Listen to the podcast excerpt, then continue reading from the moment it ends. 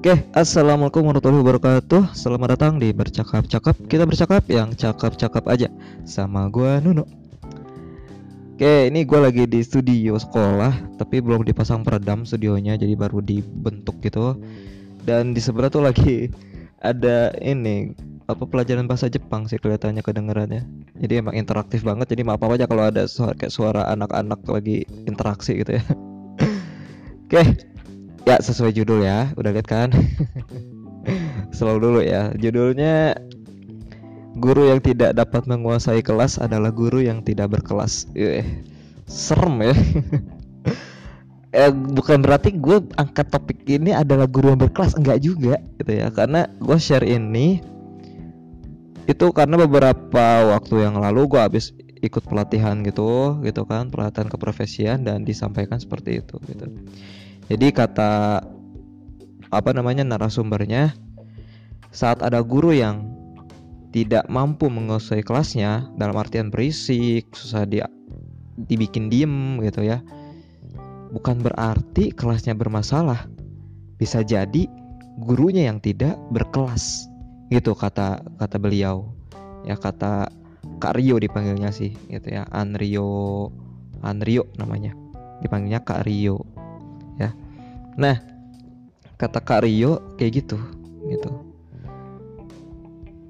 Dan ya gimana ya? Memang kalau jadi guru ya pertama harus bisa menguasai kelas. Iya. Gue lupa silent. Yang pertama harus bisa menguasai kelas gitu. Ya karena kalau enggak gimana kita mau bisa didengar sama anak? Sedangkan anak rame ya enggak gitu. Terus nih ya gue ngajar itu pertama kali ngajar tuh ngajar SMK jurusan komputer lah multimedia sama TKJ nggak ekstrim ya. Kemudian ngajar SMP sampai terakhir itu ngajar SMK lagi. Multimedia TKJ sama anak STM gitu anak STM itu anak teknik sepeda motor sama teknik kendaraan ringan gitu. Ya anak STM dan itu alhamdulillah gitu ya kalau gua ada yang nggak tahu kenapa mungkin karena gua cowok gitu ya jadi masih bisa teratasi kelasnya gitu gitu. Tapi faktanya memang ada beberapa guru yang tidak mampu menguasai kelas gitu dan gue lihat di media sosial gitu ya di internet gue sempet lihat dua dua video yang berbeda gitu ya. Yang di mana guru ini udah kayak gak dihormati gitu loh. Anaknya ngerokok di dalam kelas. Entah itu lagi belajar atau dengan menggunakan seragam ya. Dengan menggunakan seragam gitu. Di dalam ruang sekolah gitu ngerokok. Kalau di luar kan itu udah urusan orang tuanya gitu ya tapi ini masih di dalam sekolah. Entah gurunya nggak bisa ngontrol anaknya atau emang anaknya yang udah kurang ajarnya keterlaluan sampai gurunya itu udah kayak nggak anggap dia gitu. Terus ada lagi video yang nampilin ada or seorang murid itu sampai ngeplak ngeplak gurunya kepalanya di muka wajah sampai bisa menyentuh wajah gitu loh. Kayak diajak berantem gitu. Gila bi apa ya tuh murid udah kayak gue bakal bilang dia biadab sih. Karena dia bukan murid SMP bukan murid SD gitu. Yang harusnya nalar ini udah kerja. Gitu kan. Biadab kata gue gitu. Gitu. Kalau gue lihat kondisi kayak gitu ya nggak bisa menyalahkan gurunya 100% gitu ya. Walaupun balik lagi memang kalau guru udah nggak bisa menguasai kelas gagal guru itu. Gitu. Karena dari awal aja udah nggak dianggap atau diperhatikan gimana bisa ilmunya tersampaikan gitu. Ya gitu.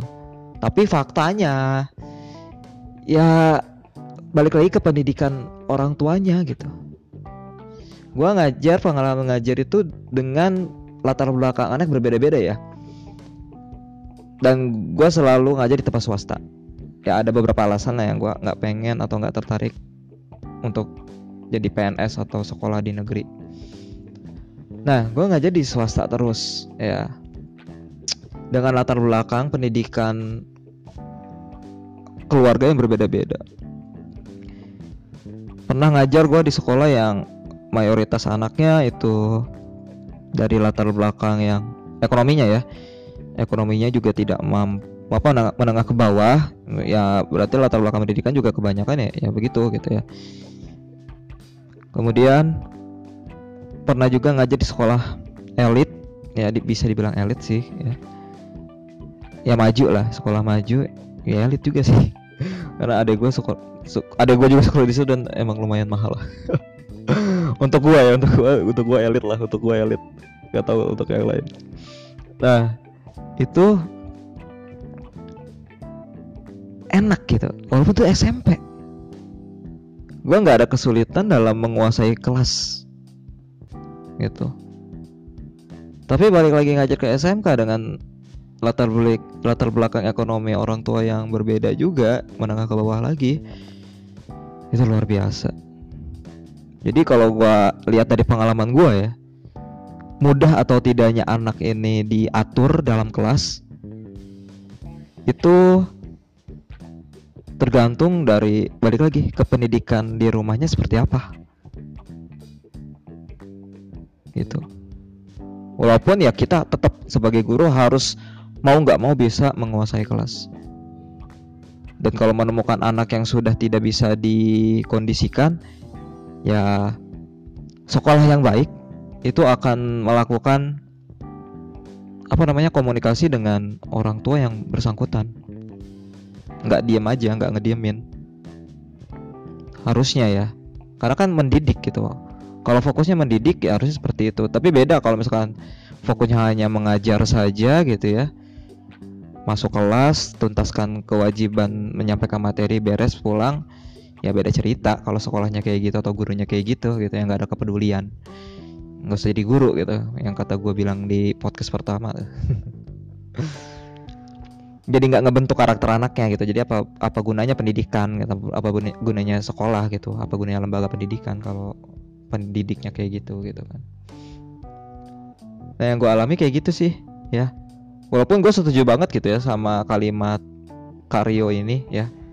Saat guru tidak mampu menguasai kelas bisa jadi bukan karena kelasnya bermasalah melainkan karena gurunya yang tidak berkelas.